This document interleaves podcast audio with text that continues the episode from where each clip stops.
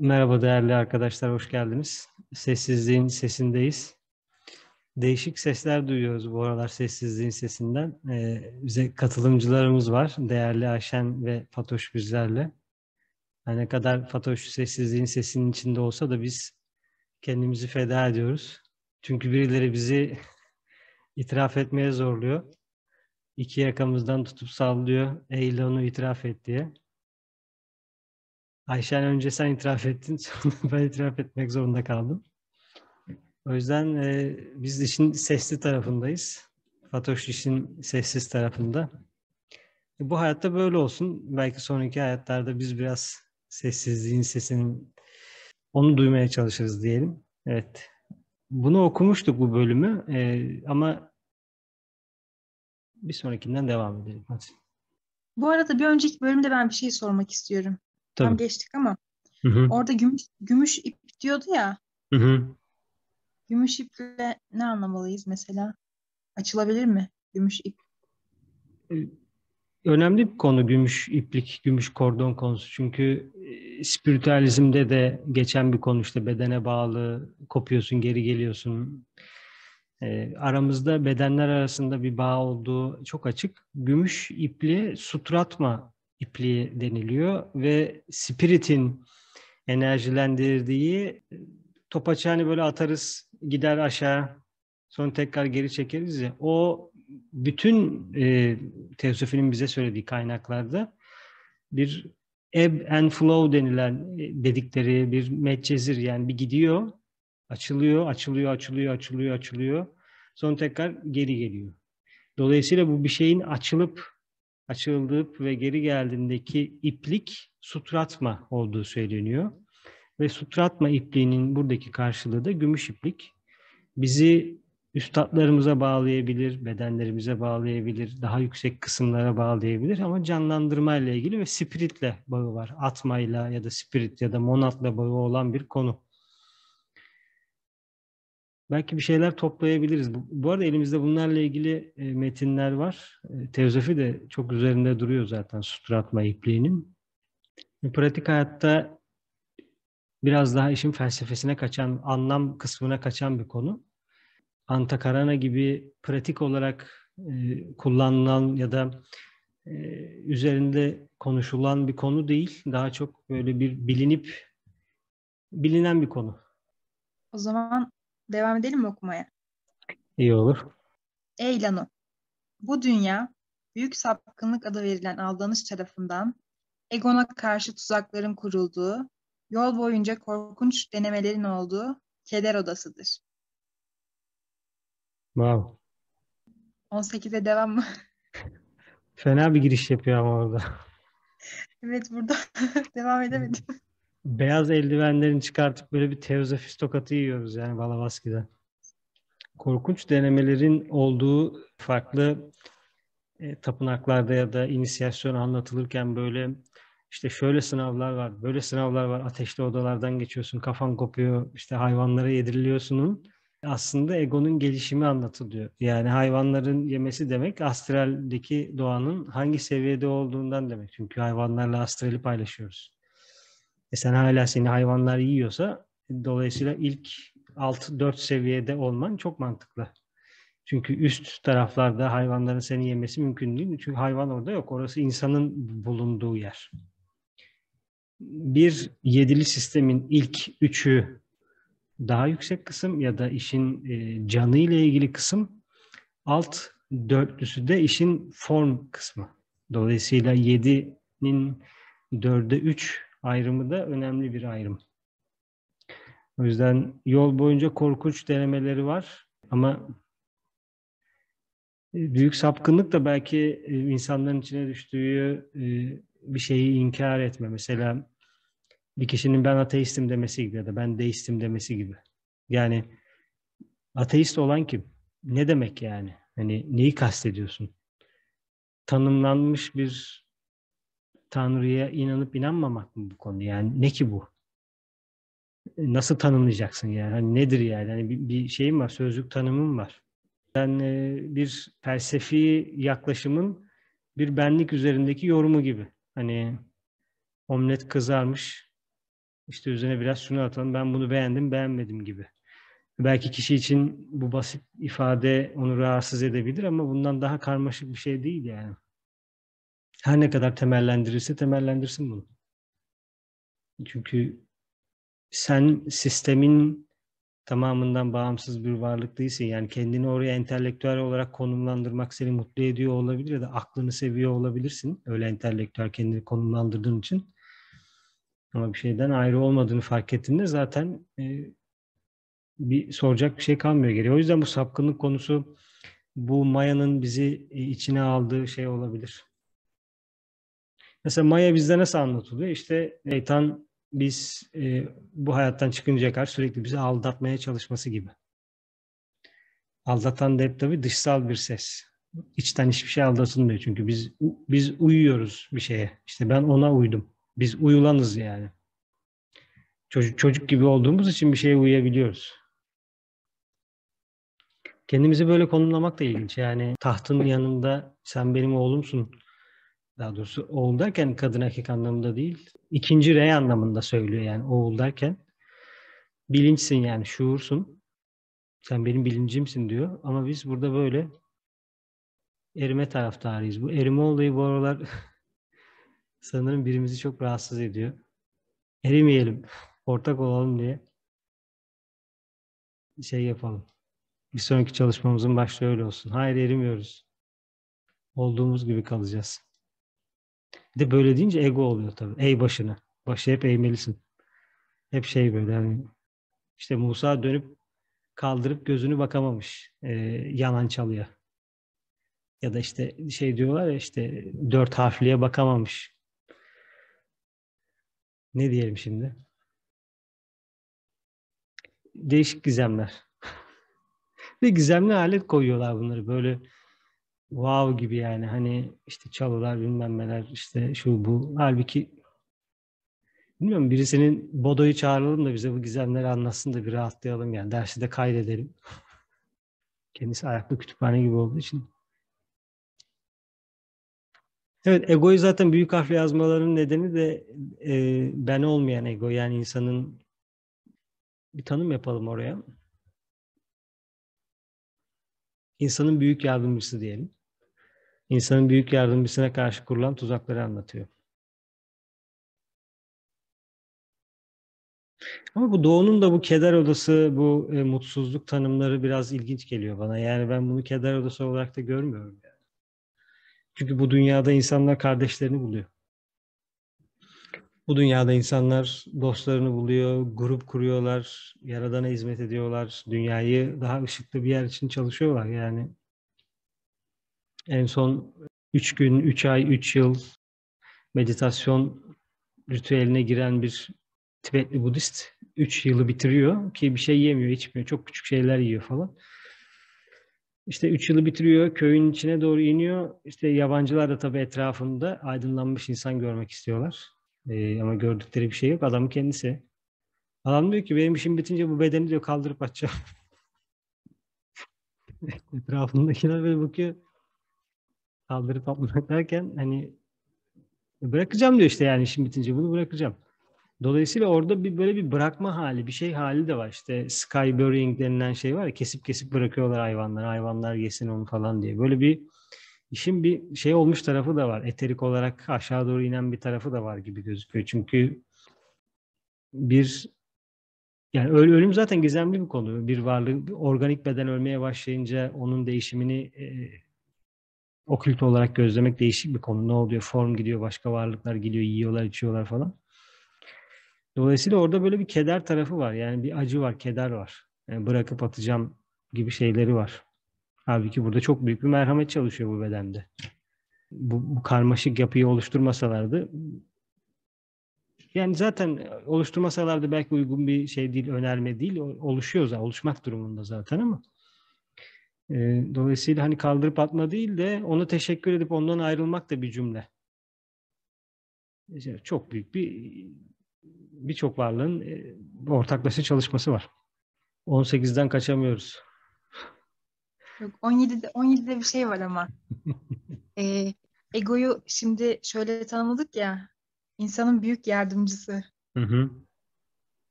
farklı bir büyük harflerle yazmışlar falan dedik. Orayı oraya biraz daha şey yapalım mı?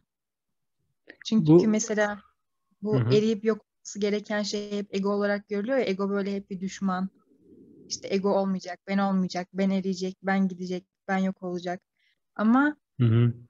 aslında bir aklını davet ettiğin zaman gerçekten ego dediğin şey senin büyük bir yardımcın yani. Hayatta kalmak için oluşturduğun bir varlık aslında yani. Hani değil. O zaman da belki korkunç denemeler, tuzaklar, denilen şeyler yardımcının egonun düşmanın değil yardımcın olduğunu görmen için mi? Gibi düşündüm. Altıncı reyin korkunç tuzak olmuyor yani. Onun için öyle demek istiyorum. Ama illüzyon seni egonun anlayışlarını indirebilmen için engelliyor. Mesela kişilik araçları egonun ışığının kişiliğin içinden geçmesine izin vermiyor. Ters yönde ışık yansıtıyor oraya. Egonun ışığı diyelim ki mavinin tonlarında sana iniyor. Sen kırmızı yolluyorsun, öfke nefret yolluyorsun. Dolayısıyla onun akması gerekeni e, kişilik araçlarından akmıyor. Barışman gerekirken barışmıyorsun. Surat yapıyorsun. Vermen gerekirken vermiyorsun e, gidip ona yardım edip kendini bir gününü, iki, iki gününü feda etmen gerekirken insanlar için yapmıyorsun. Çünkü kişilik taşıyorsun ve kişilik ışınların güçlüyse yani senin düşük egon güçlüyse solar plexus yani ya da glamour denilen kısım cazibe deniliyor belki buna bir yerde. Çok güçlü solar plexusun varsa e, ki işte film yıldızlarında falan böyle genelde çok güçlü kişilikler. Hani biz bunu şey olarak tanımlıyoruz. Kendine güvenen insan falan diyorlar böyle değişik bir şekilde. Ama solar plexus. Çünkü onlar da etrafa bir parlaklık yayıyor. Ama bodhisattvalar da bir parlaklık yayıyor. Ama bodhisattvaların yaydığı parlaklık aydınlanmış kalp merkezinin parlaklığı. Sen güçlü bir solar plexus olarak ana hatayı açaman, açman mümkün gözükmüyor. O yüzden burada egonun yardımcı olması e, ya da erime hissi balıktan geliyor. Yani din realitesinde var bu. Şu nefsimi ayaklarımın altına bir alayım, bir çiğneyim onu. İşte onun tuzaklarından işte nakış gibi işleyeyim. İşte onun şöyle yapayım, işte şimdi nefsim bu seviyede böyle yapayım, onun alma arzusunu işte şöyle düzenleyeyim. Şöyle olsun, böyle olma. Hep duygu var işin içinde. Hep bir ağlamaklı bir hal var yani. Hep böyle bir işte daha yüksekte bir şey var. Biz çok aşağıdayız. Ama oğul değiliz. Ve öyle bir kendimizi oraya konumlandıramıyoruz tabii ki. Biz ona bakalım, duralım, başka bir şey yapmayalım gibi. Biraz oradan geliyor bence. Din realitesinden ve altıncı reyden geliyor. Ego, egoya da bayağı tuzak kuruluyor bu arada ama e, daha ke yani bence Türkiye'deki okült topluluklar ve okült ilerleyen, ezoterik ilerleyen, e, bu yolda çalışmalar yapan insanların birleşip bir araya gelip Sambokagaya çiçeğini ya da egoik lotusu ya da egoyu inceleyecek haftalık böyle herkesin katılımıyla bir çalışmalar yapması gerekiyor. Çünkü bu objektif bir şey olması lazım. Yani Türkiye'deki bütün herkes ego dediğimizde evet ben egoyu böyle anlıyorum, böyle olabilir birliğine varırsak eğer çok daha yüksek bir şeyler bize inmeye başlayabilir. Yani bu bu objektif bir şey. Kaynağımız belli. Master DK ve onun yazdığı başka şeyler de destekleyebiliriz bu arada. Sorun yok. Zaten oraya çıkıyor bir şekilde. Bizim için egoyu nasıl anlamak önemli. Onu e, Master DK'nın bir kitabın çevir, şu an çevirmeye başladığımız bir kitabında daha iyi anlayacağız. Güneş melekleri denilen bir şey var. Varlıklar var. Onlar bu işi yapıyor. Büyük fedakarlık var orada.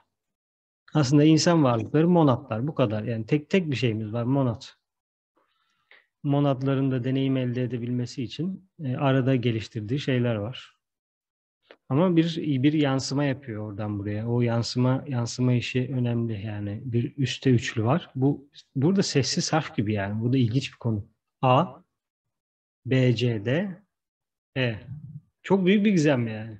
Bir sesli harf, üç sessiz harf, bir sesli harf. Üç sessiz harfta, bir sesli harfta. Dolayısıyla sesin gizemini de bize bir yerde göz kırpıyorlar. Ama yani Kovaçan'da birisi bize gerçekten okült olarak sesleri anlatması lazım. Bu çanak çömlekçiler gibi değil de ya da renkçiler gibi. Bu iş böyledir deyip. Evet. Eder odasından ne dersin Ayşen? Var mı sana gelen bir şey? Güzel bir gelişim yeri. Ne diyeyim? Keder odası. O zaman ilk paragraf sana gelsin ilk mısra. Hangisi? 18'in hemen altındaki. Gelsin. Ey cahil Lanu.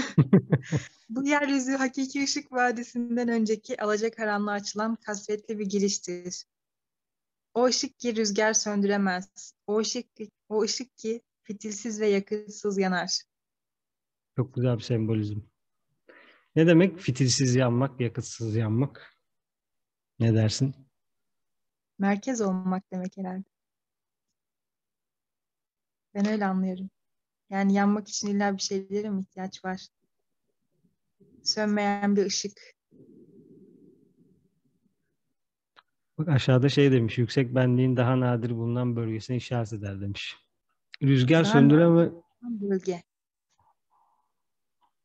Evet, O nasıl bir şey oluyor acaba? Yüksek benliğin daha nadir bulunan bir bölgesine işaret eder. Gizli öğreti stanza 3, skola 6'da karşılaştıralım. Yaşamın kökü ölümsüzlük okyanusunun her, dans, her damlasındaydı ve okyanus parlak bir ışıktı. İşte başlangıçta Tanrı'nın ruhu suların üzerinde yüzüyordu gibi. Burada alacakaranlık e, geçişi de önemli bir konu. Çünkü e, alt şöyle astral yani biraz bunlar spekülatif şeyler olabilir insanlar için. Yani astralin üstü, mentalin altı böyle sonuçta bunlar algı dünyaları. Biz ayırıyoruz işte bu astral, bu mental, şu falan, şu şöyle diye ama bir deneyim yapan insan içinde bir ayrım var gerçekten. Yani astraller ne kadar hızlı olsa da mentalin yanında hiçbir şey. Bu da ilginç bir konu. Astral, astral görüş elde etmek için takla atıyoruz. Gözümüz açılsın diye. Sağda solda renk görelim, varlık görelim diye. Ama mentale baktığında da e, orada gördüklerin oranın hızı, oranın yapısıyla hiç şey yok. İlginç böyle değişik şeyler var. Burada yüksek duru görürler, kahinler var. Mesela C.W. Leadbeater öyle bir entegre etmiş ki fakültelerini aynı anda dört dünyanın gerçekliğini günlük ya da gündüz şuuru içinde entegre edebiliyor. Yani ne demek gündüz şuuru için entegre ediliyor? Şimdi bu derste, bu konuşma sırasında ben eteriği görebiliyorum. Aynı anda fizikselin hemen üzerinde yanında bir maddenin eterik özelliğini görebiliyorum. Hemen yanında astral karşılığını görüyorum. Hemen yanında mental karşılığını görüyorum. Hemen yanında budik karşılığını görüyorum. Yani bir maddenin, bir şeyin, bir varlığın e, böyle dörtlü beşli algılamasını yapmak nasıl bir derin gözlem anıdır yani. Ya biz astrali görünce insanlar tamam diyor yani bu ben aydınlandım oldu, aura görüyorum, renkler görüyorum, patlıyor bir şeyler oluyor. Ama eteri göremiyorsun. Mentali göremiyorsun. Bir de bunun yanına kalkıp budiyi görüyorsun. Yani çok yüksek bir şey gelişim hali. Ama ilginç işte o kadar yüksek var. Yani bu yüksekliği e, görüş anlamında yüksek diyelim. Güçlü bir psikik fakülte var. Çok açık bir şekilde. Ama gidiyor işte Krishnamurti'yi buluyorlar. Dünya öğretmeni olarak. Maitreya'nın enkarnasyonu olarak. Yani astrali gördün, mentali gördün. Budi'yi gördün. Gördün de Krishnamurti'yi mi gördün abi yani? Bu mu yani? o kadar şey görüyorsun. Bu mu yani gördüğün adam? İlginç bir konu. Yani bu anlamda görmek de illüzyondan almıyor. Yani daha ne daha ne göreceksin zaten? Budi'yi görüyorsun yani.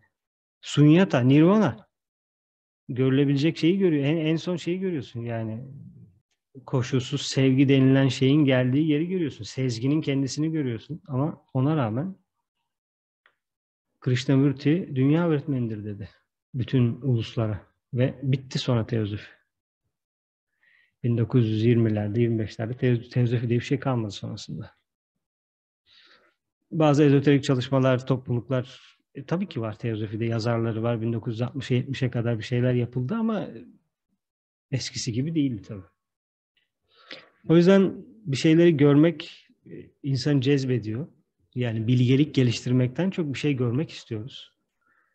E, ama Budistler bir şey görmekle hiç ilgilenmiyor. Bilgelik geliştirmekle ilgileniyorlar. E, bu da bizim içimizdeki isteyen parçaların bilgelik daha zor bir şey. Çünkü öğretiyi alıp hayatına uygulaman gerekiyor ve değişiklik yapman gerekiyor. Ve o değişiklikler yer değiştirdikçe ancak e, bir anlayış elde ediyorsun. Bedenin gelişiyor. Ama biz onun yerine bir şey görelim istiyoruz. Yani e, hatta öyle YouTube'da reklam veriyorlar. Atalardan kalma bilgeliği, bilgelikle ayahuasca terapilerimiz var falan gibi. Gidiyor insanlar, para da veriyor. Yani Amazon'dakiler aydınlanmış mı? Çözmüşlermiş yani. İlginç bir konu yani e, neden bir varlık gider bir şeyler içmeye ihtiyaç duyar? Gel şurada 10 yıl meditasyon yap desem kolay bir şey değil hayatına bir şey uygulamak, bir prensip uygulamak. Yani bir kolaycılık hali var. E, deneyelim her türlü kolaycılığı ama yapılması gereken şeyi de yapab- yapalım zamanında. Evet yani astralin üstü, mentalin altı seviyesi ve o seviyede artık ışık e, dünyanın e, rüzgarlarına, zorluklarında yanmıyor ve yanması için bir bedene ya da bir ifadeye gerek yok. Çünkü o kendi yakıtında yanıyor. Şu anda bizim hedefimiz Aryan ırkı olarak Raja yani aklın gelişmesi. E, beşinci ilke soyut nedensellik ya da concrete mind önemli değil. Yani concrete mind de olur, beşinci ray de olur ya da soyut nedensellik de olur, abstract mind de olur. Ama bizim şu andaki dikkatimiz burada bunu geliştirmemiz gerekiyor. Bütün bu Raja yogalar, meditasyonlar, Antakarana geliştirme çalışmaları, diğer bütün her şey geliyor buraya e, yapılıyor. Yani birinci kökırk eteriyi geliştirdi, fizikseli geliştirdi. Sonraki Atlantisler astral bedendelerdi. Şimdi biz de artık zihinde olduğumuzu söylüyor üstadlar. O yüzden bütün ağırlık, bütün gelişme zihinsel fakültenin gelişmesi. Astralle bir işimiz yok. Astral Beden diye kitap çevirip yayınladım. Kitabın ön sözünü dedim ki yani bu kitabı okuyoruz ama bizim işimiz astralle değil. Ona ona göre ya yine de okuyun ama. o da ilginç oldu tabii yani kitabın kapağına Aryan ırkı olarak mental geliştirmek demek ama öyle evet yani sonuçta bir şekilde kendimizi hizada tutmaya çalışıyoruz. Bu sembolik anlamları anlamak önemli. Yani işte fitil, yakıt, yakıtsızlık. Çünkü bu, bu kelimelere bağlı anlamları sonra başka yerlerde okuduğumuzda ya da dinlediğimizde bu bilgiler bize gelmeye başlayacak. Yani çünkü bu kitabın en önemli şeyi o. Ee, bazı kalıp yaklaşımları, böyle sanki şiirsel anlatımlarla onların ağzından geçen zekalar var. Bunu alabilmek önemli. Yoksa e, böyle teknik bilgi gibi bu budur, şu şudur, şurada şu var, burada bu var. E, bu yok artık. Bu öğrencinin kendisi yapıyor. E, burada önemli olan ışık, rüzgar, fitilsiz, yanmak gibi kelimeleri yakalayabilmek. Büyük yasa şöyle der. Tüm benin bileni olmak için önce benim bilen, benim bileni olmalısın. Benim bilincine varmak için, ben olmayan için benliği terk etmelisin. Var olmayan için varoluşu terk etmelisin. O zaman hiç doğmamış ve hiç ölmeyen sonsuz çağlar boyunca büyük kuşun kanatları arasında dinlenebileceksin. Ağım olanın kanatları arasında dinlenmek ne de tatlıdır. Çok büyük gizemler var. Şayet. Hı hı. Şayet bilmek istiyorsan hayat kuşuna bin. Şayet yaşamak istiyorsan hayatını terk et. T. Tin. Ha tin. Hı hı. Tinin içerisinde yaşamak istiyorsan fiziksel kişiliğinin hayatına son ver. Bu tin spirit diye çevriliyor. Felsefecilerin bulduğu bir terim. Tin. Ama tin spirit anlamını asla vermiyor. Çünkü spirit insanın insanla alakalı bir konu. Başka şeylerin de spiriti olabilir. Bir papatyanın da spiriti olabilir. Burada spirit e, simyasal olarak bakıldığında onun özü, esansiyel yağı ya da onun temsil eden bir şey de olabilir. Ama burada spirit, sadece spirit denildiğinde insanın özü anlamına gelen yer anlamına geliyor. O yüzden buna tin demek o anlamı vermiyor. E, soul'a ruh diyorlar ya da bazen şöyle oluyor, spirite ruh diyorlar. Soul'a ya da ruha can diyorlar.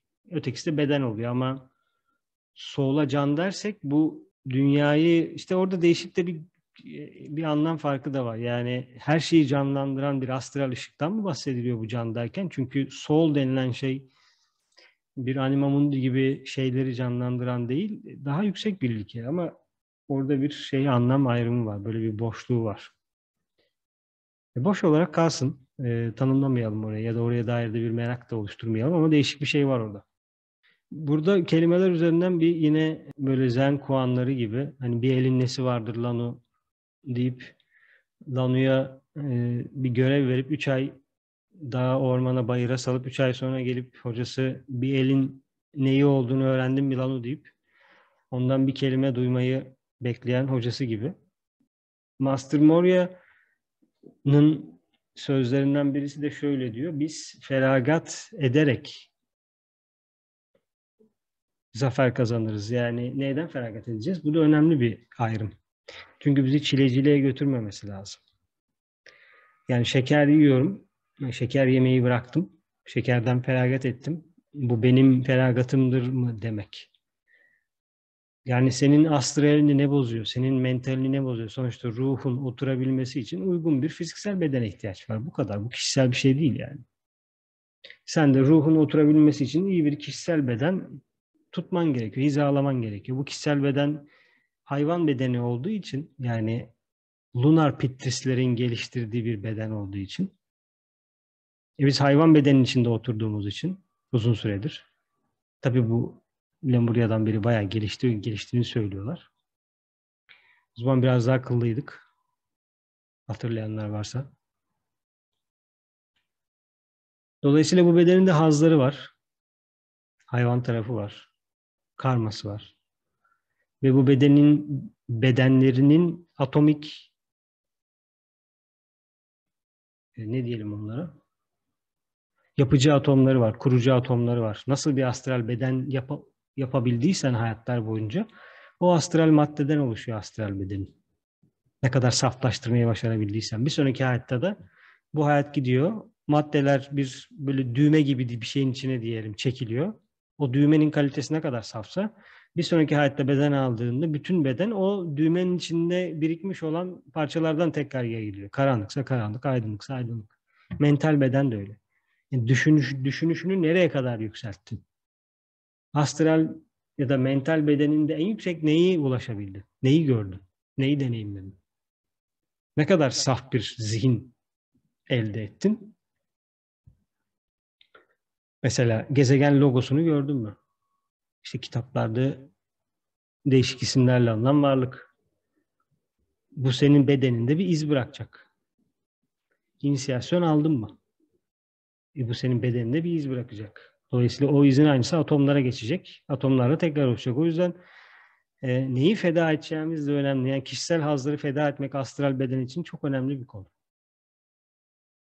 İşte bu birazcık böyle egzoterik işte 8 yüce yol, 4 yüce gerçeğe falan gidiyor birazcık. Doğru geçim, doğru bilmem ne falan. Ama o kadar da büyük bir ahlakçılık günümüzde geçerli mi? Bilmiyorum buna hep birlikte cevap verebiliriz sanırım. Yani bu şöyle bir konu. Eğer böyle bir derin bir ahlakçılık varsa o zaman diyelim ki bir seks işçisi, bir trans kadın ya da trans erkek Tanrı'yı hissedememesi lazım ya da şifa yapamaması lazım. Ya da meleklerin onu ziyarete gelmemesi lazım. Böyle bir şey mümkün mü? E, elitist mi olalım yani? Şey mi yapalım? Ya abi kusura bakma sen seks işçisin, sen leş gibisin. Biz sana inemiyoruz. İne, bazı varlıklar inemeyebilir okey. Ama böyle derin bir ahlakçılık içine girersek de bu sefer ayırıyorsun bir yerde. Ama konu kişisel alanlarımız için e, yapılması. Sonuçta orada da muhakkak bir karma var tabii ki. Niye öyle bir hayatın içindesin? Kim bilir kaç kişiye hayatlar boyu tecavüz ettin. Ya da işkence yaptın. Engizisyondaki ruhlar nereye enkarnasyon oluyor şimdi? O manyak işkenceciler, değişik değişik silah yapanlar, ekipmanlar yapanlar nereye enkarne oluyor? Bu dünyada hala işkence yapan insanlar var. Değişik yerlerde, cezaevlerinde, ne bileyim farklı farklı ülkelerde. O yüzden e, yani neyden feragat edeceğimiz önemli bir konu. Çok yemekten. Sonra bir sorumlu olduğumuz bir şey var. Yani ben olmayanın yaşayabilmesi için kendi benliklerinden vazgeçmen gerekiyor. E bu da zaten seni feda etmeye götürüyor. Feda ettikçe sevgin gelişiyor. Sev, sevdikçe daha çok feda ediyorsun. Bir bakıyorsun ki Sambakogaya çiçeği başlamış titreşmeye. Çünkü kendisi dokuz yapraklı ve yapraklarının her birinde üçer katman var. Sacrifice'ın üç katmanı var. E, kendini feda etmenin, sevginin ve bilgeliğin katmanları var. Ama deli gibi feda etmek değil tabii ki. Ama o zaten zamanla oluyor. O yüzden terk edilmesi gereken şeyler var ama bu, bu bunun ihtiyacını hissettikçe ancak bu olabiliyor. Yoksa neyi terk edeceğini nasıl bileceksin ki? Subjektif olur yani. Ve terk edersin ve dersin ki e ben saç, senin için saçımı süpürge ettim Tanrı'ya ya da sisteme. E çok komik bir şey bu yani. Sarı'nın söylediği bir şey işte yani. Sarı tepkisi. Ben senin için saçımı süpürge ettim. E yani işte ben e, çocuğumu görmedim, çoluğumu görmedim. İşte bütün paramı bu yola verdim. Ben yukarısı için her şeyimi feda ettim. Şey istiyor, e, karşılık istiyor. Muhabbet ediyor orada. E, inisiyasyon, yani inisiye olsaydı zaten böyle bir şey söylemezdim belki de. Çünkü bilirdim ne olduğunu. Hizmet etmeye devam ederdim bu kadar. Bir aşramdasın. Hemen kendimizi hizalamamız gerekiyor. Ben bir öğrenciyim, yoldayım. Benim için başarı çaba demek, bir sonuç demek değil. Sonuç başarısızlık da olabilir, başarı da olabilir. Bana ne? Çabalıyorum. Çabam devam ediyor. Bir aşramda çalışıyorum bir ruh reyim var. Ana ana eksenim var. Üçüncü rey, birinci rey, ikinci rey. Bir kişilik reyim var. Bu dünyada bir şeyleri hızlı yapıyorum. Çalışıyorum bu kadar. Bu üç dört tane şeyle hemen kendini çekeceksin. Hemen kırmızıya soru soracaksın. Amacım ne? İnsanların gelişimine yardım etmek. Bu cümle. Ne yapıyorsun bunun için? Aşramdan bana gelen ve benim yapabileceğim şeyleri hissetmeye ve olabildiğince kendimden çıkıp destek olmaya çalışıyorum. Yani çünkü önemli olan şey Avni Onur Sevinç'in kişiliğinin gelişmesi değil ki. Yani gelişsen olur, gelişmesen olur. O yüzden birazcık bu hem böyle felsefi oluyor hem de günlük hayatın pratiği içinde oluyor ama böyle. Yani yolculuk fark ettiğim kadarıyla böyle. Evet, e, sessizliğin sesi hızlı aktı bu iki session'da. Bir sonraki hafta kaldığımız yerden devam ederiz. Çünkü önümüzde bir büyük kuş var. Ve bizi dinlenmeye davet ediyor bu kuş. Umarım faydalı olmuştur çalışmalar. Ayşem var mı söylemek istediğim bir şey? Yok bu son kısmı çok güzel aktı gitti. evet öyle oldu. Güzel bakış oldu. Teşekkürler katıldığın için bu arada. E, destek verdiğin için güzel bir etkileşim oldu. Ben de teşekkür ederim. Peki o zaman görüşmek üzere. Hoşçakalın. Görüşmek üzere.